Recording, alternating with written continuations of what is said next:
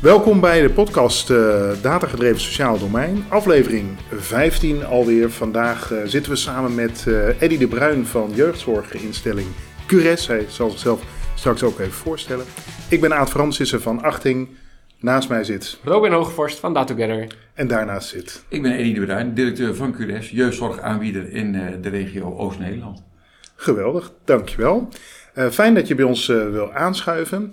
Ehm, we hebben eerder uh, met uh, Claire Diets om tafel gezeten van de jeugdbescherming uh, Overijssel. Heel ander soort, soort jeugdzorg is dat natuurlijk dan wat uh, Curis doet. Kan ik me iets bij voorstellen. zij verwees ons eigenlijk naar jou. Nou, als, je het, als het over data ja. wil hebben, dan moet je met Eddy praten. Ja. we beginnen eigenlijk altijd met de vraag, Eddy, wat is datagedreven werken voor jou? ja, datagedreven werken is natuurlijk een woord wat heel erg in opkomst is. Hè? Iedereen wil datagedreven werken. Terwijl de logica voor mij is dat als je je data gebruikt die je beschikbaar hebt binnen je bedrijf, daar kun je op sturen. Uh, dus je moet zorgen dat je inzicht hebt in je data en het liefst live data. Dus als je live data kan produceren vanuit de systemen die je hebt en dat verbindt in bijvoorbeeld een BI-tool, dan vertelt dat waar je staat en waar je naartoe kan. En als je dat ook nog verbindt aan je strategische doelen, ja, dan, dan ben je data gedreven aan het werk. Ja, en dan, en dan jij vertrekt eigenlijk in jouw antwoord bij je hebt data en die wil je eigenlijk live zoveel mogelijk inzicht in hebben. Liefst gekoppeld aan je, aan je strategische doelen. En dan kun je daarmee verder, dan kun je daarmee sturen. Ja, en dat is mooi, want dat is echt anders dan wat andere gasten eerder hebben gezegd. Dus dat is heel interessant. Ik denk dat we een leuk uh, gesprek tegemoet gaan. um, uh, maar voordat we daar over die data, want daar, daarvoor ben je hier en daar ga je ons veel van vertellen. Dat weten we eigenlijk stiekem al. Um, maar kun, je iets over jezelf vertellen? Wie is Eddie eigenlijk? Ja, ik ben uh, uh, geboren Veluwe, nageboren op de Veluwe, uh, in een gezin met tien kinderen. En altijd een hart voor zorg gehad. Vanuit dat grote gezin wilde ik heel graag iets doen in de zorg, dus verpleegkundige geworden. En toen ik verpleegkundige werd, toen dacht ik, ja, wat is het slecht geregeld in Nederland? We zijn eigenlijk een heel rijk land. Maar we managen de boel niet zo heel erg goed. Uh, vervolgens heb ik tien jaar later de keuze gemaakt om in de commerciële detacheringswereld te gaan werken. Als eigenaar van wat nu de Bende Groep heet. Toen de tijd heette dat Skio Consult. Daar heb ik heel veel geleerd over bedrijfsvoering. Ik heb ondertussen bedrijfskunde gestudeerd en dat soort zaken. En die combinatie heeft mij later gebracht in de jeugdzorg als directeur van, van Cures. Waarbij uh, de kennis en ervaring vanuit de commerciële wereld, die combineren we nu met de uitdagingen in de jeugdzorg. En dat is heel erg gaaf. Want dan ga je echt op een andere manier naar zorgverleningsprocessen kijken, waardoor we uiteindelijk nu een nieuw soort organisatie aan het bouwen zijn. En dit was op de vraag, wie is Eddy eigenlijk? Nou, dit is een professionele Eddy. Uh, de, de, de, ook de, de, de persoonlijke Eddy woont volgens mij in... Want ik woon in geboren in de Veluwe, maar je, je woont in Rijs, hè? Ja, ja geboren ja. op de Veluwe. Ik woon in Rijs. Ik heb drie kinderen. Eentje van 18, een dochter.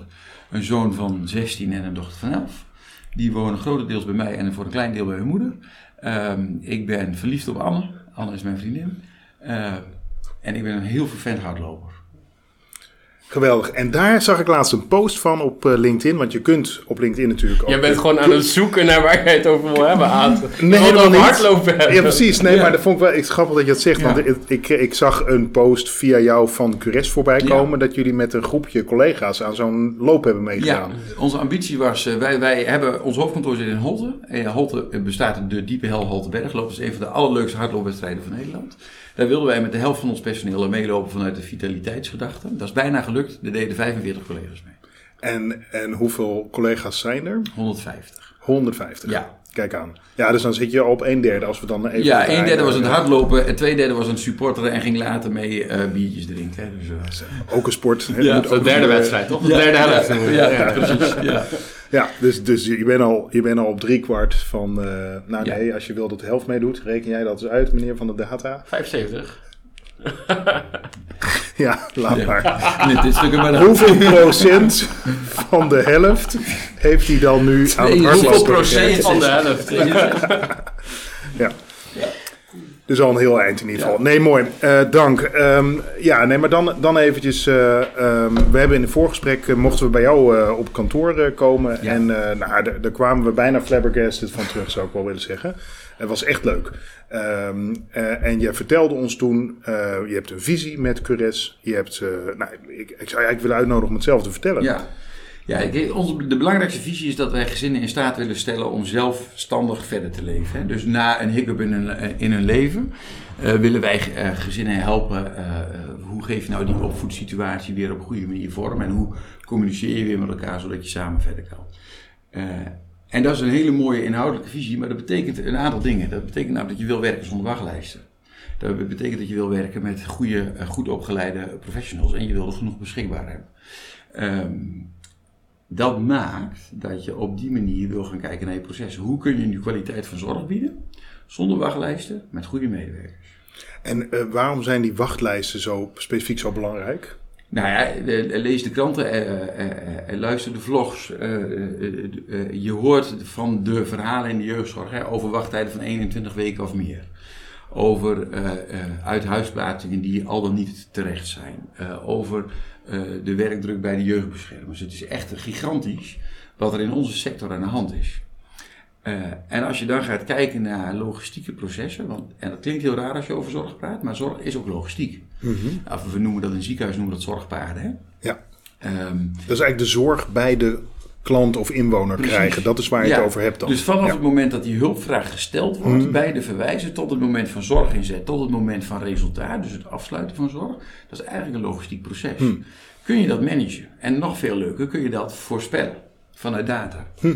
Um, en ik denk dat, en nou, daar zijn we eigenlijk mee van start gegaan. Hè? Als je kan voorspellen van er komen ongeveer zoveel aanvragen, die heb je de komende drie maanden uh, die te verwachten. Als je dat weet, en het wordt ook nog betrouwbare data, dan kun je ook zorgen dat je voldoende mensen beschikbaar hebt. Nou, dat was zeg maar onze eerste vrije rij met data. Ja, er zijn natuurlijk heel veel parallellen te trekken tussen die logistieke processen, denk ik, en de processen die je in, in het zorgveld hebt, zoals in de zorgpaden. Maar waar, je, waar mijn ervaring in ieder geval, wat je daar vaak hoort, hè, logistieke processen en de, de private sector gaat er heel vaak over kosten besparen. Zo snel mogelijk, zeg maar, Ja. hè, die, die processen zo optimaliseren, zodat je zo min mogelijk vrachtwagens nodig hebt om Ja. dat te, te, eh, te bereiken. Maar die parallel is denk ik in de zorg net iets minder. Of zie je die hetzelfde? Nee hoe die parallel die is één op één, eh, één door te trekken. Kijk, het is bij ons heel simpel. Op het moment dat je logistieke proces klopt, dan klopt ook je planning. En dan heb je geen gaten in planning. En als je geen gaten in planning hebt, heb je dus geen uren mensen aan het werk die niks aan het doen zijn. Ja. En daar gaat het uiteindelijk om. En wat maakt dat zorgorganisaties inefficiënt zijn? Eh, dat heeft vaak te maken met het niet effectief inzetten van medewerkers. Ja, dus het gaat meer ook om het goed laten aansluiten op elkaar. Anders dan zoveel Ja. mogelijk wegbezuinigen om meer met minder te doen, zeg maar. Nou ja, weet je, als, als wegbezuinigen is meer met minder mensen doen, Ja, Eh, dan moet je heel goed nadenken over hoe, hoe is die inhoud dan. En ik vind dat we daar altijd kritisch naar moeten kijken van hoe kun je dat weer steeds beter doen. De andere kant is dat we, denk ik, in het zorglandschap nu heel inefficiënt werken. Als je de planningssystemen ziet in de ambulante jeugdzorg, die zijn echt schrijnend. Dat gebeurt nog in Excel-bestandjes. Ehm, wij hebben vanuit dat hele dataverhaal van ons een plan-app ontwikkeld. Die eh, eh, voorspelt van, hey hoor, die cliënt die is op x moment afgerond. Drie weken voor moment X wordt er een nieuwe cliënt in die caseload van die collega gezet, geautomatiseerd. Dat betekent dat er nooit een gat in die planning van die collega zit. En wat we bij heel veel organisaties zien, en intussen sp- spreken we daar ook met veel organisaties over, die hebben gaten in die planning zitten. Wat ervoor zorgt dat productiviteit van organisaties gewoon niet op niveau is. En ik denk als mensen dit horen, hè, eh, bij dan, als je zegt van dat gebeurt nog met Excel-sheetjes, die doen dat niet vanzelf. Daar zit dus een planner op, of, Ja. of een afdeling van mensen die aan het plannen zijn, even afhankelijk van hoe groot die organisatie is. Hè. Eh, dat is dus mensenwerk uiteindelijk. En jij zegt van ja, dit is geautomatiseerd. Dus het wordt voorspeld. We weten op basis van de casus natuurlijk wanneer die eindigt. Hè. Dat Ja. is gewoon het einde van de indicatiestelling. En eigenlijk eh, drie maanden daarvoor al krijg jij al, mag je al een intake gaan doen met de nieuwe. Want het Drie weken daarvoor. Hè? Oh, drie weken, pardon, drie weken. is wel heel lang. Dat is wel heel lang inderdaad. Ja, Ja, nee, dat is nog ja. een wachtlijst van drie maanden. Nee, drie weken daarvoor. Nee, ehm, er zit heel veel mensenwerk in zorgland. Want, want Ja. iedereen heeft het altijd over matching. Hè? De juiste hulpverlener Mhm. bij de juiste cliënt. Juist. En die matching kun je ook automatiseren. Want je weet, die hulpverlener heeft een x-aantal kenmerken. Stel je voor dat wij een hulpverlener hebben die altijd in het even weekend wil werken. En die heel goed is met baby's. Dat kun je gewoon als kenmerken meegeven in, in de app Hm. die we hebben. Op het moment dat er dan een baby aangemeld wordt die in de oneven weekenden eh, zorg nodig heeft, die wordt niet gematcht met die collega, want die collega die zit in de even weken. Ja. Dus dan zoekt die app automatisch die andere collega die wel in die even weekenden beschikbaar is. Het is wel grappig, want mijn vraag was inderdaad... Ik kan me voorstellen als je dat zegt, dat mensen dat spannend vinden. Ja. Dat er automatisch gepland wordt. En als Ja. je dit nu zegt, dan wordt er dus rekening gehouden met persoonlijke voorkeuren. Precies. Ja, dat is eigenlijk wel heel mooi om, eh, om te horen. Nou, met persoonlijke voorkeuren, ja, want dat is vanuit HRM interessant. Hè, van wat is de persoonlijke voorkeur van de collega? Dus hoe houden we die collega gelukkig? Maar ook met de inhoudelijke aspecten. Wie is er goed in autisme? Wie is er goed in crisissen? Wie is er goed in genderproblematiek? Dat kun je allemaal in zo'n systeem inbouwen. Zodat op het moment dat die cliënt, of de cliënt die kenmerken meegegeven wordt bij de aanmelding, dan komt die matching op gang. Ja. Gaat die matching in. Sorry, gaat, ik, was, ik ben altijd met, met matching ben ik altijd benieuwd. Hè, dat kun je heel erg rechtlijnig van 1-0. Het, het is een match of niet. Maar hoe meer kenmerken je hebt, hoe minder matches je dan krijgt. Ja. Gaat dat dan met eh, percentages? Zo van deze medewerker matcht met zoveel procent eh, met de kenmerken van deze casus? Nee, het is nu 100% matching of uitval. En op het moment dat de uitval is, daarvoor hebben we twee medewerkers op de cliëntadministratie zitten, op duizend cliënten. eh, die, die dan nog de persoonlijke matching gaan doen. En die mensen op de cliëntadministratie zijn geen MBO'ers, maar dat zijn opgeleide social workers. En, want daar gaat het echt op een inhoudelijke beoordeling af aankomen. Ja, Dus daar zit het mensenwerk nog. oké. Ja. Ja, maar dat, dat vind ik dan wel weer interessant. Want je hebt er dus, zeg maar, aan de ene kant denk ik, op het moment dat je dus geautomatiseerd plant, kan je misschien wel beter rekening houden met alle eigenschappen of alle vragen die, die Ja. je hebt, zeg maar. Eh, maar dan zit er inderdaad, wat doe je met de situaties waarmee het niet goed gaat? Ja, En ik vind het juist heel interessant dat je zegt, we hebben een stuk data, daarmee kunnen we 80, misschien 90% van Ja. de gevallen kunnen we in ieder geval automatisch plaatsen.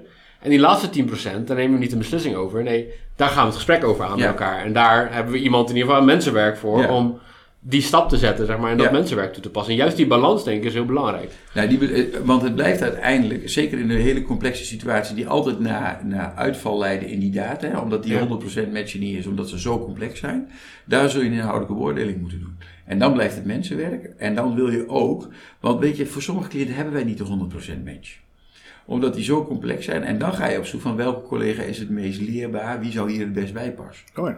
Ja. Ja. En, en even over Cures, want daar had je ons in het voorgesprek ook wel een beetje mee eh, op weg geholpen. Eh, jullie zijn een jeugdzorginstelling. Eh, we hadden het net over jeugdbescherming Overijssel. Of in mijn beleving komen daar de echte zware casussen. Ja. Hè, dus de echte, de, vanuit de rechter toegewezen, Ja. zeg maar. En niet alles, maar wel, daar, daar bestaan ze wel voor, zeg maar. Wat voor een, eh, casussen, wat voor, wat voor teams heb jij eh, bij Cures? Ja, ik denk dat we even moeten duiden wat het verschil is tussen jeugdbescherming en jeugdhulpverlening. Wat Ja. wij doen. Ja. Jeugdbeschermers zijn namelijk toegewe- daar worden toegewezen voogden. Die worden toege- eh, toegevoegd aan een gezin als extra gezaghebbende persoon. die dus mee bepalen over de opvoeding van kinderen. En dat is nodig omdat de ouders dat vaak niet helemaal goed kunnen. Of helemaal niet goed kunnen. Dat, dat verschilt nog alles. Ehm, wat wij doen is op, op aanwijzen van onder andere de jeugdbescherming, is crisiszorg inzetten of intensieve zorg inzetten in gezinnen. Nou, dan moet je, eh, en daar zitten echt hele grote verschillen in. Hè. Dan komt het meisje van acht met licht autistiform gedrag, waar we de ouders moeten leren structuur aanbrengen. Waar we drie maanden naartoe gaan en dan zijn we klaar. Maar we hebben ook de hele intensieve crisis waar we 60 uur in de week in huis komen. Om zo'n gezin weer op gang te helpen, omdat daar huiselijk geweld is geweest, drugsgebruik of noem maar op. En waar de jeugdbescherming ook bij betrokken is geweest. En waar op het moment dat wij binnenkomen vaak de politie of veilig thuis nog in huis is. Ja, precies. En, en dan sluit het eigenlijk aan op, eh, op casussen van jeugdbescherming. Nou, wij, Dat soort in opdracht van de jeugdbescherming. In opdracht van- jeugdbescherming ja. is dan de regisseur. Ah, Vaak is er dan ook nog een behandelaar bij betrokken en wij gaan dan die situatie in huis begeleiden. oké. Ja. Ja, oké. Mooi. En dat, ja, en, dat, en dat had je ook in, eh, tenminste begreep ik, had je ook dus in zo'n teams, je had er één of twee van die crisisteams, Ja. die echt eh stand de P, plom, eh, moet nu. Ja. ja, we hebben ambulante spoedhulp. Die binnen 24 uur staan die er. Dus er wordt gebeld en dan, dan is het ook direct handelen. En die, die zijn er dan ook. Dat is een module die eh, vier weken duurt. Dat is ook gewoon vastgelegd door de richtlijnen van het NJI. Eh, dus dat is echt het beheersen van de crisis. En in 80% van die situaties is er ook altijd vervolghulp nodig. Ja. Wat je ziet in de jeugdzorgwereld is dat die, tussen die crisis en die vervolghulp vaak een wachtlijst zit. Die hebben wij niet. Nee, precies. Door die data kunnen wij, hè, op het moment dat die crisisaanmelding is, zit meteen op die vervolghulp is ingepland. Waardoor we meteen weten van hey, over vier weken hebben we dus voor x aantal cliënten vervolghulp nodig. Nou, nou heb ik een eh, vraagje even over de techniek en de Ja. data. Want eh, dat kun jij ook wel eh, volgens mij enigszins uitleggen. Want ik kan me voorstellen als je dit zit te luisteren, dan ik zou best blij worden als ik dit hoor denk, nou, dat zou ik in mijn organisatie ook willen. Ja, Je vertelde, je hebt iets, je hebt een planningssysteem, Ja. dacht ik, en je hebt een app om dus die die matching te maken. Ja. Kun je daar iets meer over vertellen? Ja, dat zit in elkaar. Die, die, die, dat plansysteem en die matching, dat zit in, hetzelfde, eh, in dezelfde app gebouwd. Die hebben we zelf gebouwd. Die hebben we twee jaar geleden ontwikkeld. Eh, en die maakt dat iedere medewerker precies weet welke cliënten die heeft voor hoeveel uur ehm, eh, in de week. Die, Is dat op je registratiesysteem gebouwd? Want die daar zit die informatie die is gekoppeld met de ONS van Nederland, daar werken wij Oh ja, mee. Dus ja. die koppeling zit erin. Dus, dus eh, de heel, daar zit geen heel veel administratief werk in van de- data inkloppen. Dat wordt gewoon eh, door middel van API's heen en weer geschoven, Juist. die data. Ja. En nu vertel ik heel stoer wat een API is. En mij is uitgelegd dat dat een trekhaak van R is en een aanhanger erop. Eh, eh, Zo, zo simpel leg uit. Stekkerstopcontact noemen wij Dat, het ook wel eens. precies. Ja. Ehm, alleen het werkt eh, eh, dus heel makkelijk. Want dus op het moment dat er een beschikking bij ons in het systeem komt, die komt via het berichtenverkeer in ons registratiesysteem, Mhm. dan gaat die data ook meteen die plan-app in. Ah, Dus, dus zo werkt dat. En daar is de BI-tool, Microsoft BI, aangekoppeld. En daar zit de voorspellende factor in. Van hey, als er zoveel aanmeldingen komen. En we weten november staat voor de deur. Nou, het is vandaag 5 november. 4 november? 3 november zelfs. drie. Ja. Ehm, eh, we weten, november is de meest warme maand in jeugdzorgland. De meeste aanmeldingen vinden altijd plaats in november. Je weet als, eh, hoeveel aanmeldingen we de afgelopen maanden hebben gehad. Je weet wat november in de voorspellende waarde heeft. Dan weet je wat je in december en januari aan medewerkers nodig hebt. Geen kerst voor de medewerkers dus. Ehm, voor sommige medewerkers niet, die werken met kerst. Dat is in de zorg altijd zo. Ja, dat is voor zorgmedewerkers geen nieuws, Ja. toch? Ja. Ja. Maar is het dan niet ook heel lastig om je personele planning daar dan direct op aan te passen? En Nou. hoe, hoe, hoe werkt dat bij jullie? Dat is niet heel lastig, ehm, mits je het oude denken loslaat. En het oude denken in zorgland, en dat geldt niet alleen voor de jeugdzorg, en dat zie je ook in de verpleeghuizen, zie je ook in de ziekenhuizen, is namelijk budgetgestuurd. Joh, we mogen 15 FTE hebben, en die 16e FTE komt er niet bij, want daar hebben we geen budget voor. Budget voor, nee. Maar dat is niet zo, want eh, bij ons eh, in de jeugdzorg, eh, en hoe je, welke bekostigingsvorm je ook hebt, uiteindelijk volgt de bekostiging de, de, datgene wat je doet, dus de productie, zeg maar. Dus wij zeggen, nee, dit, het aantal aanmeldingen bepaalt, bepaalt het aantal mensen dat wij in dienst moeten hebben. En de uitdaging is dus dat je je werkgeverschap, je rol als werkgever zo goed invult, dat medewerkers ook graag bij je willen werken en willen blijven werken. Want hoe hou je mensen beschikbaar? Dat betekent de, wat je in huis hebt beschikbaar houden. En dus aanvullen daar waar het nodig is. Ja, en dat vraagt een enorme inspanning om steeds in die arbeidsmarkt weer de juiste professionals uit die markt te halen. Ja, precies. Want dat is nu wel denk ik een van de belangrijkste thema's. Hè? Dat het heel lastig is om goed personeel te vinden. En ook Ja. goed personeel aan, aan je te binden. Als ik jou zo hoor, hebben jullie bij dat laatste in ieder geval eh, mooie stappen. Ja. Maar, hoe, maar, maar, zeg maar hoe deal je bijvoorbeeld als je drie, vier maanden zeg maar, echt een piek hebt. Zeg maar, en daarna daalt het ineens qua, qua aanmeldingen. Ja, de geschiedenis leert dat dat dalen er nog niet echt is. Eh, wij bestaan nog maar 4,5 jaar, hè, dus dat, dat is ook niet onbelangrijk om te noemen. Wij zijn 4,5 jaar geleden begonnen met een man of 18. We zitten nu op 150 ambulante hulpverleners. Helpen nu duizend gezinnen iedere week. Wij hebben eh, eh, naast Tenten ook nu de Achterhoek en de Veluwe bijgekregen als regio's. Dus er zit voorlopig groei in. En zolang we groeien is de, de uitdaging op het uitbalanceren van de pieken, die is niet zo groot. Ja. Maar Nee, er dat zit wordt vooral je uitdaging in hoeveel mensen moet je aannemen en hoeveel mensen moet je werven. Dat is Precies. wel- ja. En wat daarna ontstaat, en dat merken we op dit moment in Twente, en vooral in de regio Twente merken we dat, daar komt het, eh, het aantal aanvragen in balans met het aantal mensen wat we hebben. En dat betekent dat je flexibiliteit van die, van die groep medewerkers, die moet dermate zijn ingericht, dat je dus kan meedijnen met de pieken. En dat kan heel goed met de jaarurensystematiek. Dat is helemaal niet spannend, want eh, je spreekt af met elkaar, joh, hoeveel uren per jaar werk jij bij cliënten? Eh, en moet het dan per se iedere week hetzelfde aantal uren zijn? Of doe je dat in november en december iets meer dan in de zomervakantie? Als ook een deel van die gezin op vakantie is. ja, dus dat is ook gewoon goed afstemmen eigenlijk met je medewerkers. Ja, En misschien iets, En iets inzicht, anders en inzicht ingeven. Ja. Kijk, want dat, dat is natuurlijk waar het aan mankeert. Als, als je medewerker die cockpit heeft en die weet van, joh, ik heb dit nu aan plusuren gedraaid. Dus op het moment dat er een gezin even uitvalt, of de piek is er even uit, of we zitten zelfs in een dal, dan ziet die medewerker van die plusuren, schuift hij naar minuren. Maar die medewerker moet ook het comfort hebben dat hij weet, wij gaan nooit lopen zeuren over die minuren, want we weten dat die piek weer komt. Nou, en dat, dat moet je managen, want je wil natuurlijk niet een te grote piek of een te laag dal krijgen. eh, omdat je uiteindelijk medewerkers niet met een, met een hele hoge of een hele lage arbeidslast wil laten zitten. Dus die eh, uitdaging zit hem in die datavoorspelling. Van hé hey joh, wanneer komt die piek? En heb je daar dan voldoende tijd voor beschikbaar om die op te vangen? Ja, en ook Ja. goed leiderschap, denk ik, zeg maar. Ja. Om Ja. daar met elkaar het juiste gesprek over Ja. te voeren. Ja, want dat was ook, daar, ook daarvan, weet ik nog, waren wij van onder de indruk. Je hebt al die inzicht. Je hebt ook destijds, ja, we zitten nu achter een microfoon hè, en mensen zitten te luisteren. Maar je hebt gewoon eh, die dashboards die je ter beschikking hebt ook allemaal aan ons laten zien. Ja. Die laat je op congressen ook wel eens zien Ja. aan eh, jeugdzorgbestuurder, collega's. Ehm, maar vervolgens vertelde je ook van hoe ga je daar nou mee om met de coördinatoren van die teams Ja. en die, in die gesprekken. En dat eigenlijk, en dan dus exact wat Robin zegt, ja, daar komt een stuk leiderschap bij kijken. Ja. Kijk, als ik met een jeugdzorgprofessional ga praten over productiviteit, dan eh denkt die, eh, die jeugdzorgprofessional maar één ding: mijn tas inpakken en wegwezen. Eh, want dan ga je niet over zorg. Ja. Wij moeten het hebben over, met die jeugdzorgprofessional over kwaliteit van zorg leveren. Hoe, een gezin wat aangemeld wordt, hoe kunnen we die nu zo snel mogelijk helpen op de beste manier? Dat betekent dat we onregelmatig werken, want kinderen hebben zorg nodig in de avonduren en in de weekenden, want dan zijn ze vaak thuis, overdag zijn ze vaak op school. Ehm, dat is anders dan andere jeugdzorgorganisaties dat doen. Wij praten met diezelfde hulpverleners over, joh, als jij die app goed gebruikt en je zorgt dat je continu die app geüpdate houdt bij de werkelijkheid van wat je in die gezin aankomt, dan weet je dat die doorloop heel groot is van je cliënt. We hebben het er dan niet over, dan heb je geen gat in je planning. Want als ik dat zeg, dan gaat het over productiedruk. Op het moment dat wij praten over, joh, het gaat over snel die cliënt helpen, wordt iedereen blij. Ja, mooi. Ik, dat- en Ja. dat is, eh, eh, eh, ja, je kunt denken het is een trucje, want mensen bij Cures worden helemaal over de klink gejaagd. Maar Ja. je kunt ook denken, nee, jij hebt dit vak gekozen inderdaad om zoveel mogelijk gezinnen Ja. zo snel mogelijk te helpen. En die kans eh, creëren jullie met elkaar natuurlijk. Nou, en waar ik op aansla, Aad, is, is eh, jij zegt, worden over de kling gejaagd. Dat is een opmerking die ik vaak krijg, ook op congressen, ook in gesprekken met andere bestuurders, van, oh, er zit heel veel productiedruk op. Dat is niet waar, hè? Nee. Want wat wij doen, is inzicht geven in hoe besteed je nou je 24 of je 32 of je eh, 36 uur, hè, gewoon van je contract.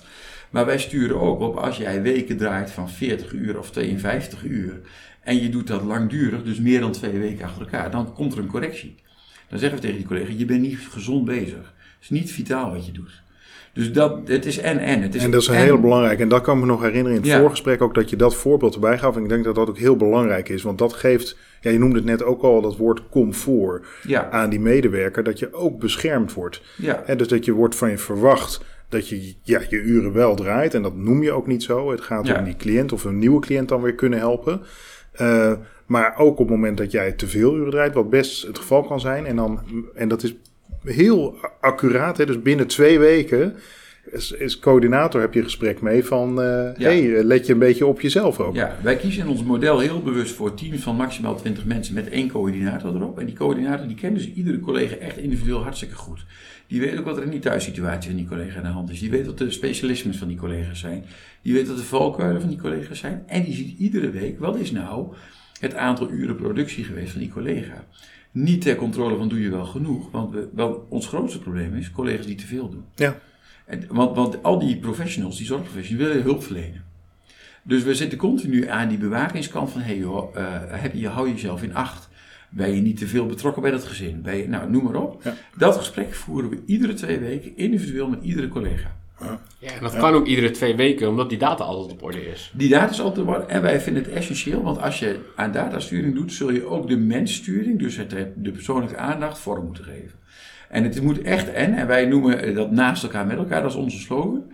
Dat is dus echt vanuit die betrokkenheid bij elkaar sturen op productiviteit en op welzijn. Ja, wat, wat wij vaak zien is zeg maar, dat data heel vaak gebruikt wordt. Bijvoorbeeld in eh, jaarlijkse rapportages of kwartaalrapportages. Of in ieder geval data die vaak best wel lang duurt voordat die up-to-date is, zeg maar, voordat je daarmee aan de slag kan. Ja. En dat zorgt er altijd voor dat je eigenlijk een kwartaal zeg maar, achter de cijfers aanloopt. Ja. Vrij, vrij letterlijk, zeg maar. Ja. En juist denk ik door, door dat korter terug te kunnen koppelen en elke twee weken dat gesprek te kunnen voeren en dan voer je maandag het gesprek over afgelopen week, zeg maar. Dat, dat geeft je ook in, dat stelt je ook in staat om dan de discussie te voeren over wat is eigenlijk afgelopen week gebeurd. In plaats van, oh ja, wat is, dat, dat, als je in eh, november zit, ja, wat is er eigenlijk in september Ja, gebeurd? ik vind afgelopen week al veel. te laat eigenlijk. Ja, ja. Kijk, wat, wat wij Ja. gedaan hebben in onze data, eh, in alle koppeling tussen die systemen, in, in, in bijvoorbeeld onze, onze planningsoverzicht, En wij noemen dat het caseload overzicht voor het hele bedrijf. Zien we per team wat is er planbaar, wat is er gepland, eh, wat is er aan vakantiedagen gepland, noem maar op. Dat is eh, 24/7 live beschikbaar. Dat hangt eh, op een supergroot scherm op de planning, dus bij de cliëntadministratie. Iedere collega die daar binnen loopt en een vraag heeft aan die cliëntadministratie, wordt ook verwezen naar dat scherm. Kijk, daar kun je het zien. Dat is live data. Wij weten precies wat, wat vandaag de productiviteit zou moeten zijn. Wij weten precies wat eh, het verzuim binnen het bedrijf is. Wij weten precies wat het aantal aanmeldingen per dag is. Eh, we weten precies hoeveel cliënten er afgesloten worden. Nou, de- de- die hele data is allemaal live beschikbaar. Dus dat moet niet pas volgende week zijn, dat moet er nu zijn. En ik leerde dat toen ik bedrijfskunde studeerde, want ik was gewend in gezondheidszorgland als bestuurder van nou, over drie maanden heb ik de cijfers wel een keer. Ja. En toen zei eh, mijn toenmalige docent data, die zei, joh, beursgenoteerde bedrijven hebben het altijd binnen 24 uur. Hè? Dat kan gewoon. Ja. Waarom zouden jullie dat niet kunnen? Ja. Nou, dat- dat- dat was een shock voor alle zorgmensen die daar zaten. maar ik dacht wel, vrek, dit is wel waar het, waar het begint. Ja. Wij moeten echt anders gaan denken. Dat zit bij onszelf. Ja. Ja, jullie kijken ook nog natuurlijk vooruit met die voorspellingsmodellen. Dus je, hebt en, Ja. je kan en snel terugkijken. Ja. En je kan ook al meteen een stuk vooruit kijken. Ja. En dan heb je heel mooi die balans. Ja, en dit is allemaal vrij duidelijke data. En dan, als je dan de, de beweging maakt naar kwaliteit van zorg, die is veel interessanter eigenlijk nog. Want hoe ga je dan kwaliteit van zorg in beeld brengen? En, dat is in, en wij hebben bewust voor het systeem van, eh, van, van NEDAP gekozen, voor ONS. Daar kun je scoren op balletjes. Dus je, je formuleert een doel. Eh, dat doel dat kun je in 10 stappen eh, eh, behalen.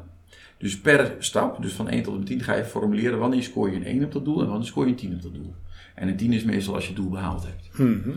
Ehm, dat vraagt echt een, een andere manier van werken, want dan moet je super concrete doelen stellen. Hè. Eh, Smart is dan al, al te licht bevonden eigenlijk. Dus we zitten nu in, dat, in het scholingsprogramma waarin eh, toevallig vandaag 150 collega's geschoold worden op beter doelen stellen, beter zorgplannen maken. Echt super smart. Heel concreet. Het liefst zo gestandaardiseerd mogelijk. Passend op individuele situaties. Als we dat klaar hebben, kunnen we die bolletjes scoren per cliënt in grafieken gaan zetten. En in de tijd wegzetten. Kijk, dan wordt het interessant, want dan kun je naar buiten, naar je cliënt toe, maar ook naar de maatschappij toe laten zien van hé, hoe goed en in welk tijdsbestek kunnen wij een doel behalen. Maar wat is dan een goed zorgdoel voor jou? Want dat is wel iets waar wij vaak discussie over hebben. Is omdat je... ehm, zeg maar, de, de zorgwereld is best wel een zachte wereld. Hè? Want we werken met Nogal. mensen. ehm, Mhm. Dus het is een zachte wereld. Ja, Eh, en wat je vaak ziet, op het moment dat management even heel gechargeerd resultaten gaat bedenken, dan gaat het over percentages dit, Ja. aantallen dat, euro's dat. ja. Ehm, terwijl je denk ik daar juist, juist vandaan zou moeten blijven. zeg maar. Nou, ik kan wel een voorbeeld dus, dus, geven. dus wat is een goed zorgdoel en wat, wat, ja. hoe, hoe bepaal je of een doel goed is of niet? Zeg maar. Even een voorbeeld wat we nu ook in die training gebruiken. En dat is niet bedacht door mij, maar dat is door onze gedragswetenschappers bedacht. Ehm, wij krijgen een cliënt verwezen vanuit de jeugdbescherming. En dat is met name in de avondsituatie bij die cliënt is het de chaos. Want die ouders zijn niet in staat om eh, het betrokken kind iedere avond rustig in bed te krijgen. Het doel wat we meekrijgen is, er moet een stabiele avondsituatie ontstaan. Dat is vrij open doel. Wij concretiseren dat tot het volgende. Vier van de vijf door de weekse dagen lukt het de ouders om het kind om half acht in bed te krijgen. Zonder conflict. Die is interessant, hè? Want dat is allemaal meetbaar. Als dat dus vier keer in de week lukt, scoor je een 10. Lukt dat drie keer in de week, scoor je 7. Lukt dat twee keer in de week, scoor je 3. Dus zo rekent eigenlijk die betrokken, nou die gedragswetenschap, maar ook die betrokken jeugdzorgwerker, die rekent Ja. eigenlijk dat, dat einddoel terug in die tien stapjes. Exactly. Ja, En op het moment dat we dat echt op inhoud voor elkaar krijgen, en dat doel is goed op het moment dat en de cliënt tevreden is met het doel, dus snapt wat we gaan behalen, en de verwijzer en de betrokken hulpverlener. Want in die driehoek moet het gebeuren. En de cliënt is dan zowel kind als opvoeders. Hè? Eh, en op het moment, dus dan heb je goede doelen. En er is nooit één doel. En er zijn altijd een stuk of tien doelen bij een cliënt. Ja. Nou, en de uitdaging nu is van, joh, hoe gaan we nou die balletjes omzetten naar data? Dat kan hè, vanuit de data-onttrekking van het systeem lukt dat. Maar hoe ga je dat dan ook visueel maken? Dus kun je dan een spinnengrafiek per cliënt maken, of hoe dan? Nou, de- in dat vraagstuk zitten we nu, maar ik ben ervan overtuigd dat we eind volgend jaar dat helemaal hebben staan. En dat we op cliëntniveau, maar ook op gemeenteniveau kunnen laten zien van hoe complex zijn zaken, maar ook hoe goed kunnen we doelen eh, realiseren in dat, eh, in dat Ja, stuk. daar zou je allerlei doorsneden op willen kunnen maken. Ja. Natuurlijk van wat voor een eh, vergelijkbare type cliënten situaties. Ja. Eh, hoe, goed, hoe lang zijn daar de doorlooptijden en die doelen behaald. Ja. Of in welke mate waar zijn die doelen dan behaald. Thema's, zou, hulpvragen. Thema's, Ja, hulpvragen. Ja, ook ehm, een selectie van eh, waar, bij welke casussen zijn de doelen eigenlijk niet behaald. Ik denk Ja. dat die ook heel Die interessant zijn om van te leren. Ja, precies. En wat heel interessant is, als je dan ook nog de koppeling zou kunnen maken met narratieve evaluaties. Dus, dus hoe kun je nou de emotie die beleefd wordt bij het behalen van het doel scoren? Nou, daar is best veel kennis over eh, in een hele andere wereld. In de wereld van de vliegeniers wordt het veel toegepast op de nieuwe helmen in de F-35's. Is daar een groot onderzoek gedaan. Als we die zouden kunnen combineren met dit, maar dat is echt, dan zijn we echt nog een heel eind verder. Maar dan, dan zouden we echt een goed gevoel krijgen bij wat realiseren we nu echt in de jeugdzorg. Want dat is wat we politiek veel zien. Hè? Veel vragen naar resultaten. Wat doet die jeugdzorg nu echt? Ja. En laten we dat dan eens hard gaan maken. Ja, precies. Ja. Ja. Ja. dan zit je op dat narratieve dat, eh, ja, ik, ja dat, daar moet je ons ook wel gewoon spelen. Want daar, zijn- daar hebben wij al eens over nagedacht, Ja. Eddie. We komen niet uit de F35-wereld, maar, Nee. maar we zijn wel slim met data. Nee, maar eh, ja, nee, super, super gaaf om te horen. Ja, maar het is wel, kijk, het is altijd een uitdaging om een zachte wereld hard meetbaar te maken. Ja, en je merkt ja. dat daar ook heel veel weerstand zit en heel veel, ja, ja, weerstand eigenlijk gewoon, zeg maar, om, om daar iets mee te doen. Ook omdat Ja. er vaak een soort, soort afrekencultuur heerst over, oh ja, je behaalt je doelen niet, waarom eigenlijk niet, zeg maar. Nee, maar weet je, Eh, eh, en- leg de weerstand maar even terug naar het eh, eh, eh, op productiviteit sturen. Ja. Eh, in alle jeugdzorgorganisaties geldt dat wij mensen betalen per uur. Want dat is namelijk CAO-technisch zo geregeld. Dat is hoe onze arbeidswereld in elkaar zit. Eh 70% van de kosten van onze organisaties zijn personeelskosten. Dus waar ga je op sturen? Is op die inzetbaarheid van die uren. Dat doen niet alleen wij, hè? dat doen ook alle advocatenkantoren, dat doen de schilders. Ik denk dat jullie het zelf ook doen. Eh, noem maar op, dat gebeurt bijna in iedere organisatie. Toch is er in onze branche een enorme beweging geweest, aangejaagd ook onder andere door de vakbond, om te stoppen met tijdschrijven. Daar hebben ze zelfs, eh, hoe heet die dame van, die nu in de gemeenteraad in Den Haag zit? Ik kom even niet bij naam. Rita Verdonk. Oh, ja. Die hebben ze daarvoor ingezet. En de paarse krokodil was onnodig tijdschrijven moest Oh, ja. eruit. Ja. Nou, dat is een heel convenant gekomen. Terwijl tijdschrijven is een belasting als je mensen nog met papiertjes op stap stuurt die ze op vrijdag moeten inleveren. Dat gebeurt echt nog. Hè? Het is 2022. Oh. Dat gebeurt af en toe nog in onze wereld. In ieder geval geen faxen meer, want die, die Nee, schijnen nou, ook wel verstuurd. die zijn er ook nog. Ook bij nog? sommige psychiaters gebeurt dat ook nog in verwijzingen. Maar Schrijven kan ook nog gefaxt worden, dan heb je Ja. helemaal de... Dan is het helemaal erg. Maar wat veel interessanter is, is hoe kun je tijdschrijven nu koppelen aan agenda's? Want die agenda maakt iedereen toch? Zodat dat geen extra administratieve handeling is. Dat is hartstikke Ja, interessant. ja.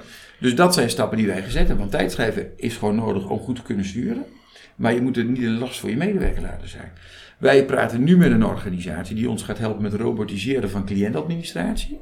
Dus de aanmelding van die cliënt die uit die gemeente komt, die vraagt om een x aantal handelingen om die cliënt van die aanmelding, wat een digitaal formulier is, in ons systeem te krijgen. Dat zit nu een mens te doen. Ah, ja. Nou, en er zijn partijen die dat heel goed kunnen robotiseren. Dat is helemaal niet erg. ja. En iedereen vindt dat spannend, hè, want het woord robot komt er langs. Stel, dat is gewoon een, een, een scriptje schrijven, zodat die data van het ene Inlezen van, ja. Zo spannender wordt het niet. Nee, nee. Maar we noemen dat robotiseren. En, maar dat scheelt één hele FT op de cliëntadministratie. Ja. En die kan straks weer op de HR bezig om mensen te werven Dat die je 36 hard eh, nodig hebt. Ja, precies. Ja. Ja. Ja. Nou, en dat, dat zijn denk ik stappen die we in Zorgland moeten gaan maken. Ja. Waar collega-organisaties, zeker de, die van oudsher hè, nog vanuit de hervormde opvoedhuizen van de monniken komen, Hm. eh, 150 jaar geleden, eh, dat veranderproces moet opgestart worden. En dat is een super spannend proces. Dat is voor ons als organisatie van vier jaar oud veel makkelijker. Ja. Eh, eh, voor organisaties die veel groter zijn en ouder zijn, van, van, eh, die dus echt een bakgeschiedenis hebben, is dat uitdagend. Ja, want je moet een gigantische digitaliseringsslag gaan maken eigenlijk. Ja, en een cultuuromslag. Want dat digitaliseren Ja. is niet moeilijk. Nee, dat kun je Nee, wel nou ja, het lastige van digitaliseren is de cultuur. Ja. Exact, daar gaat het over. Ja, en het begint Ja. ook wel bij goede keuzes. Bij, en daar hebben we het ook vaker over gehad. En dat ontmoeten we bij jou ook weer. Het begint bij een visie van waar, waartoe zijn we op aarde. Ja. En wat betekent dat dan in concrete doelen? Ja. En bij jullie is dat in eerste instantie op die planning, personeelsplanning en die, het, het elimineren van wachttijden Ja. eh, ge- gegaan. Daar, dat is focus, hè? dat is hele sterke focus. En daar koop je dan een, een eh, registratiesysteem op in en daar ga je dan een tool ontwikkelen. Ja. Eh, wat ik ook grappig vond is, eh, je hebt wel eens de vraag gekregen van hoe groot is je IT-afdeling als je dit allemaal hebt Ja. draaien. We hebben geen IT-afdeling. We hebben geen IT-afdeling. Nee. En moeten ze dan beginnen met het afschaffen van hun eigen IT-afdeling? Weet je al zoiets? Nou ja, dat, eh, soms helpt dat wel, hè? Ook- ook- met je eigen IT-afdeling. Want ook daar zit vaak weerstand. Ja. En oud denken. Ja, Kijk, wat wij gezegd hebben is alle staf die we niet zelf hoeven te organiseren, maar kunnen inkopen, die kun je dus op maat inkopen. Hè, dat is hetzelfde als met de app die we gebouwd hebben. Dan kun je eh, naar de hele grote partijen gaan en dan krijg je offertes van 170.000 euro voor een app. Wij zijn naar twee jongens van 24 gegaan die net begonnen waren. En we zeiden, kunnen jullie dit doen? En die zeiden heel stoer, dat kunnen we.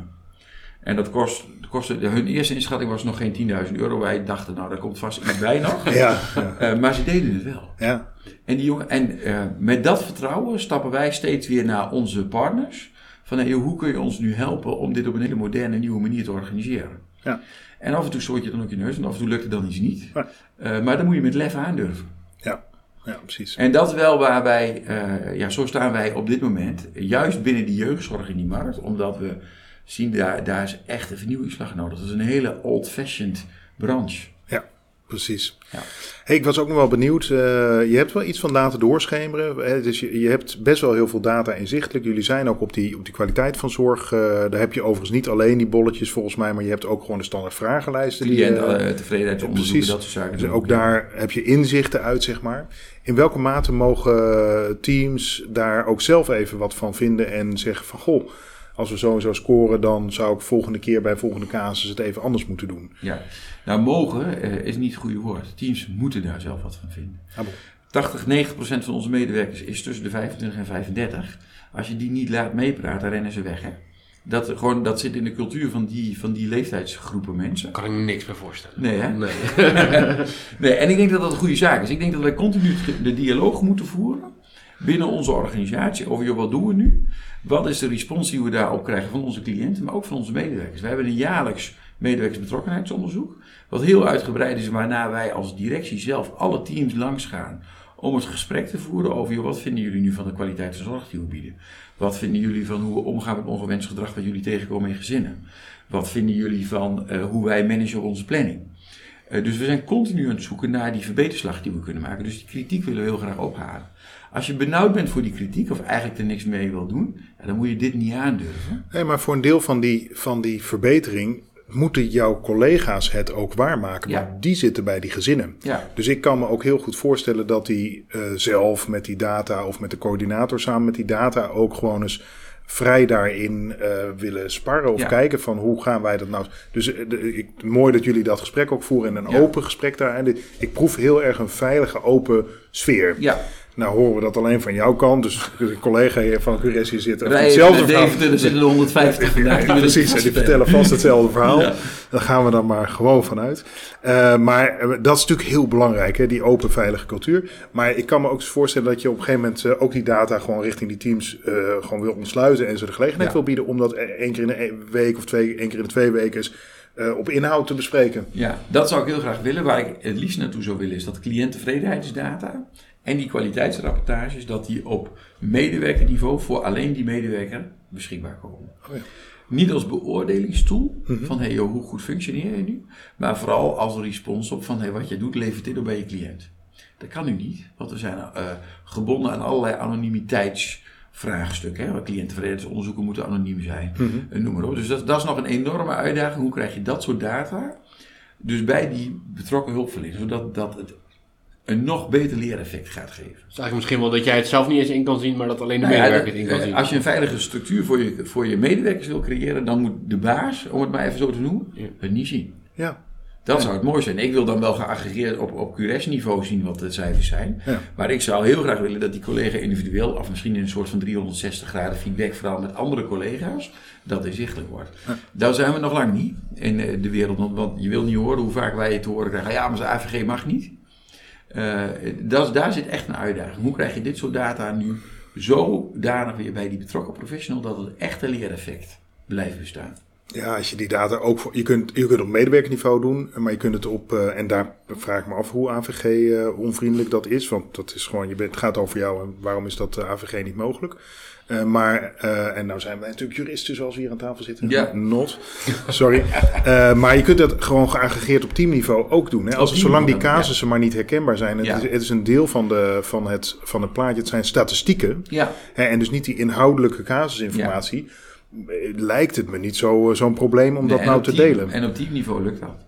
Ja, ja. Ja. dat wou ik zeggen. Ja, Ja, absoluut. Ja, die, die, dat heb je. Je hebt, Ja. die, je hebt die t- zaken op teamniveau natuurlijk in zicht. Die hebben we allemaal Ja. inzichtelijk. En Ja, dat gesprek wordt daar ook gevoerd. En dat, Ja. dat is super gaaf, want, want die gesprekken gaan over inhoud.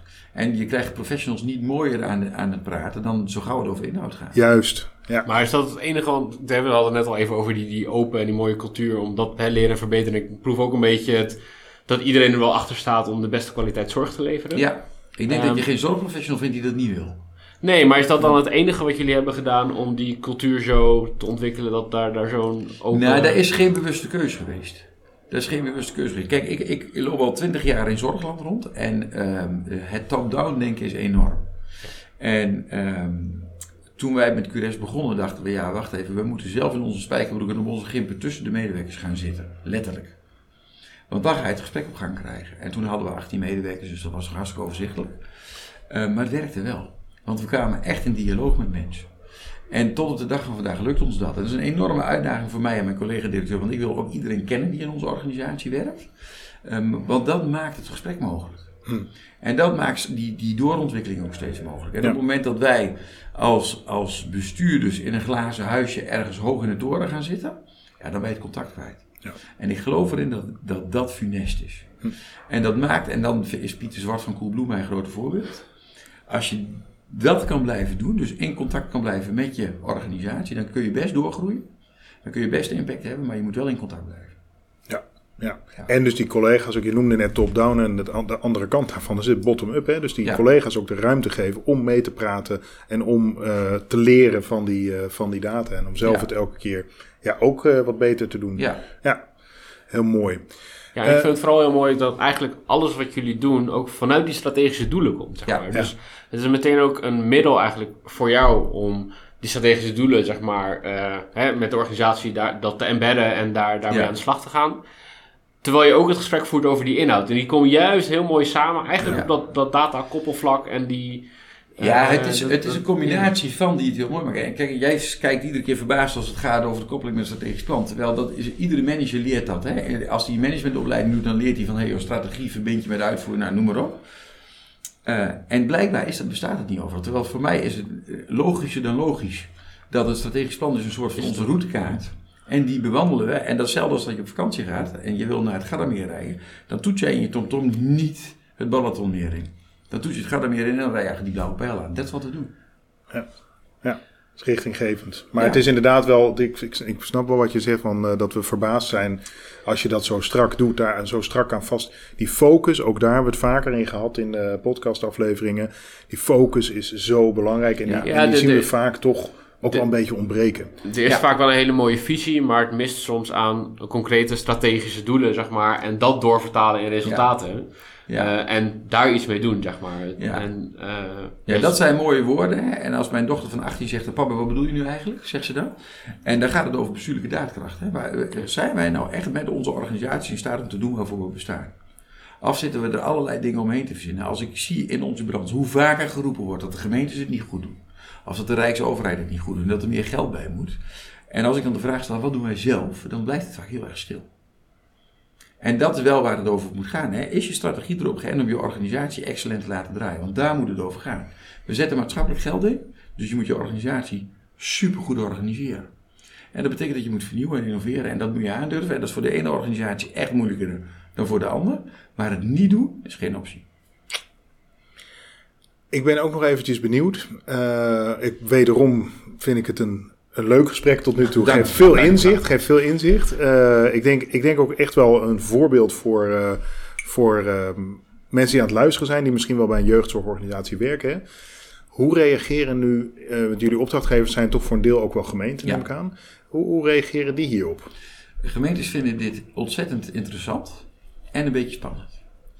Uh, zo hebben we een accountmanagementgesprek gehad met een van de, van de contractbeheerders van de gemeente. Die zegt, joh, jullie nutten maar 31% van je indicaties uit. En uh, toen schoot ik in de lach, toen zei ik, dat is toch precies wat je wil? Want wij leveren dus het resultaat op in minder tijd dan dat jullie geïnitieerd hebben. Want dat is eigenlijk wat hij zegt. Ja, je kost minder dan wat ze verwacht hadden. Hè? Dat is de verzilveringsgraad van Precies. 31 procent. Dan, dan denken de, vanuit de afdeling control, want daar hebben we wel eens contact mee met de gemeente, dan denken ze die krijgen hun cliënten niet weggezet. Precies. Wij sturen daar mensen naartoe, maar ze hebben de mensen niet om die op te vangen. Dat, dat is wat, wat ze dan denken. Dat is de, de gedachte. Dat, Dus het is wat onbekend. Het werken zonder wachtlijsten is wat onbekend. Hm.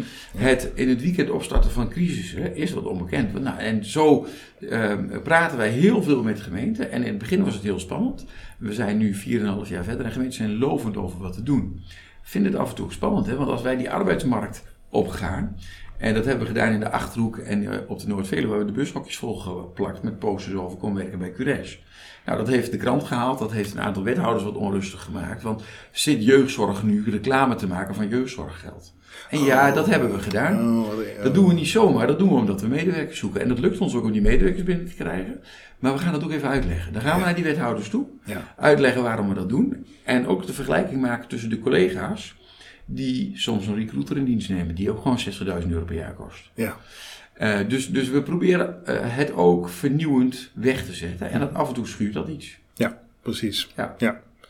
Heb je dan het gevoel dat er, dat er vanuit de gemeente heel erg een verantwoordingsdruk aan, aan ligt, zeg maar?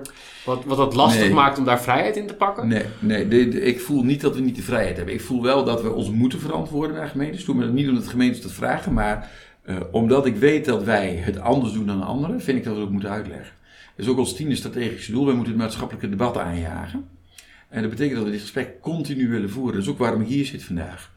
Uh, dat is ook waarom ik bij Jeugdzorg Nederland op het congres een presentatie heb gehouden over hoe wij werken. Uh, niet omdat wij zo fantastisch zijn, maar ik denk wel dat we van elkaar kunnen leren. Ja, en dat is exact de reden waarom we deze podcast hebben. Ik heb nog een vraag en daar hebben we helemaal niet over voorbereid. Dus eh, als, het, als je hem lastig vindt, dan laat het vooral weten. Uh, gemeenten zijn wel heel erg bezig om een transformatie te maken naar uh, voorliggend welzijnswerk. Uh, die, dat welzijnswerk moet natuurlijk aansluiten op die, wat ze noemen, duurdere jeugdzorg- en WMO-trajecten. Ja. En ze willen dat, dat maatwerk willen ze verkleinen, wat daarin uitgegeven wordt. En het voorliggend veld, daar moeten mensen het eigenlijk of opgevangen worden of weer terug in terechtkomen. Ja. Hoe organiseren jullie die aansluiting op dat welzijnswerk? Wat wij uh, proberen te doen in de regio's waar we nu werken, is heel actief in gesprek gaan met de welzijnsorganisaties, mm -hmm. met de straathoekwerkers. Hè, van als een jongen uit crisis weer thuis komt, hoe kunnen we nou zicht houden op die jongen? Dat betekent dat die straathoekwerker er af en toe langs moet lopen. Ja. Uh, dat gesprek zijn we heel erg aan het voeren. Maar het is nog heel erg moeilijk, want contractering en contact vanuit hoe gemeentes het regisseren is er niet. Ja. Dat is eigenlijk helemaal niet. Nee, ze willen heel graag dat het gebeurt. Maar het, het, ontbreekt vaak bij gemeenten nog wat aan regie inderdaad daarop. Hè? Het ontbreekt aan regie, maar het ontbreekt ook in de sector aan samenwerking. Hè? We vinden dat hm. ook een beetje spannend. Oké.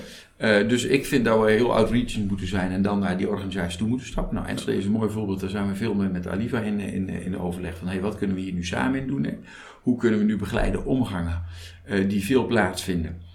Plaats laten vinden in de buurthuizen die Aliva bemenst. Juist. Uh, nou, dat, dat, dat is een leuk voorbeeld van hoe kun je daar nu vorm aan geven. Uh, een tweede wat wij uh, doen is preventieve trainingen verzorgen voor ouders over hoe praat je nou met je puber. Oh ja. Want heel veel van die cliënten die bij ons komen, dit zijn pubers die uit communicatie zijn met hun ouders. en ik denk dat, dat ook daar een rol voor de welzijnsorganisatie, want dat zou dat preventieve deel kunnen we veel beter samen optuigen. Ja. Er gebeurt preventief niet zoveel. Welzijnswerk zou jullie daarvoor kunnen vragen om zo'n training te geven of daar een avond in te verzorgen? Ja, of en zelfs misschien in combinatie met de middelbare scholen of met de groep 8 uh, van de lagere scholen, want dat, dat is daar waar ongeveer de puberteit aangaat, zeg maar. Uh, daar zouden we nog veel meer in kunnen doen, want iedereen heeft de mond vol uh, over preventie. Maar wat is dan precies preventie? Het grootste probleem van wat wij tegenkomen in jeugdzorg zijn opvoedproblemen. Dat zijn niet de problemen van kinderen. Hè? Opvoedproblemen heeft inzicht dat het gaat over die opvoeden. En ik zeg niet dat al die ouders het fout doen, maar we kunnen ouders wel versterken in hun kracht om te opvoeden. Ja. Ja. En daar, daar zit denk ik een hele enorme grote uitdaging. We kunnen echt in het preventieve veld meer samen doen. Ja, maar jij bent dus in, die, in ieder geval ook eh, in die zin echt ook wel actief op zoek naar die aansluiting op dat best wel soms ja, moeilijke welzijnsveld, moeilijk georganiseerde welzijnsveld. Maar die, ik, ja, oké, heel goed. Ja, en ik, ik vind de, eh, de, de, duiding moeilijke welzijnsveld niet zo goed hoor. Ik, ik, denk dat de combinatie van die twee velden ingewikkeld is. Ik denk dat welzijn hele goede dingen doet en niet per se moeilijk is. Maar op het moment dat wij daar gaan zitten in hun domein, wordt direct de vraag gesteld wie betaalt wat. Ja.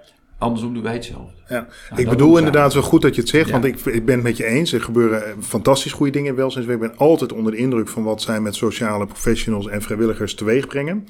Uh, uh, maar inderdaad, het zit hem in die organisatievorm. Vaak ook andere uh, financieringsstromen, hè, subsidie versus individueel maatwerk. Ja, dus, en dat maakt dat gesprek soms lastig. Ja. Ja, dus maar in ieder geval goed dat je die, uh, die, die, die, die, hand in ieder geval uitsteekt. Nou, dat weet je. En het samenwerken is sowieso lastig. Hè? Organisaties in de branche kijken naar elkaar. In de marktwerking heeft toch een soort van concurrentie gebracht. Mm -hmm. Toen wij net begonnen, zat iedereen kijken van ja, wat is dat nou voor club? Uh, en dat leidt vier jaar later tot in, bijvoorbeeld in Twente een enorme goede samenwerking in het crisiscoördinatiepunt spoedhulp. Okay. Dus in, in Twente een, hebben we met elkaar een crisiscoördinatiepunt georganiseerd waarin de hele toeleiding uh, en triage rondom crisissen plaatsvindt. Waarin we met vier organisaties samenwerken. Dus super gaaf om dat soort initiatieven steeds te zien lukken. Ja. Um, en, en, dat proberen we in andere regio's nu ook uit te rollen. En dat is af en toe zoeken. In de Achterhoek zijn we nu nieuw. Sinds 1 juli zitten we met de spoedhulpaanbieders aan tafel. En die vinden dat een beetje spannend. Hmm. En dat mag. Ja. Want ik zou dat denk ik ook spannend vinden als er een nieuwe partij zou komen. En, en de, de zoektocht is hoe kun je met geduld en respect voor elkaar dat aangaan. Ja, precies. Ja, ja, ja. ja. ja. Hey, en um, uh, nou ben ik wel benieuwd. We hebben heel veel gehoord. Uh, je hebt uh, je data goed, strak, inzichtelijk, snel. gebruikt dat veel om die planning mooi rond te krijgen en wachtlijsten te elimineren. je gebruikt inhoudelijk de data om van te leren. Je creëert een veilige omgeving voor medewerkers ook om dat zelf te doen. Uh, nou, je, je, bent zelfs uh, bezig om ook in dat preventieve veld uh, ja, wat stappen te zetten waar je elkaar ook heel erg moet, moet vinden. Daar moet je ook geduld hebben. Als er nou luisteraars zijn die dus in het sociaal domein werken en denken, ja, ik wil eigenlijk wel wat hiermee. Wat voor, wat voor tip heb je dan aan hen? Um, ja, breng je proces in kaart. En hoe kun je dat proces verbeteren met data? Die vraag moet je daarna beantwoorden. Het begint bij de, bij de processen. En dan bij de data van ja. de processen. Ja. ja. En kom gewoon eens kletsen. Bel mij op. Ja. En kom vragen hoe we doen. We laten het echt graag zien. Nou, jullie Ja. hebben het zelf ervaren op jullie bezoek bij ons. We, we eh, prikken gewoon die stekker in die computer en we laten live die data zien Ja. die we hebben. Eh, want we hebben echt niks te verbergen en wij willen dit heel graag delen. Omdat wij denken dat we op dit vlak een voorbeeld kunnen zijn voor andere organisaties. Nou, top. Daar eh, ronden we dit mooie gesprek mee af. Wij denken namelijk datzelfde. En daar is deze podcast ook voor bedoeld. We hopen dat je hier oprecht wat van hebt geleerd. Ehm, dank voor het luisteren. Dank voor het gesprek, Eddy. Graag gedaan.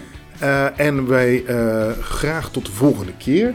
Eh, dan spreken wij, dat weten we nog niet zeker. Dat blijft nog even spannend. ja, dat was het.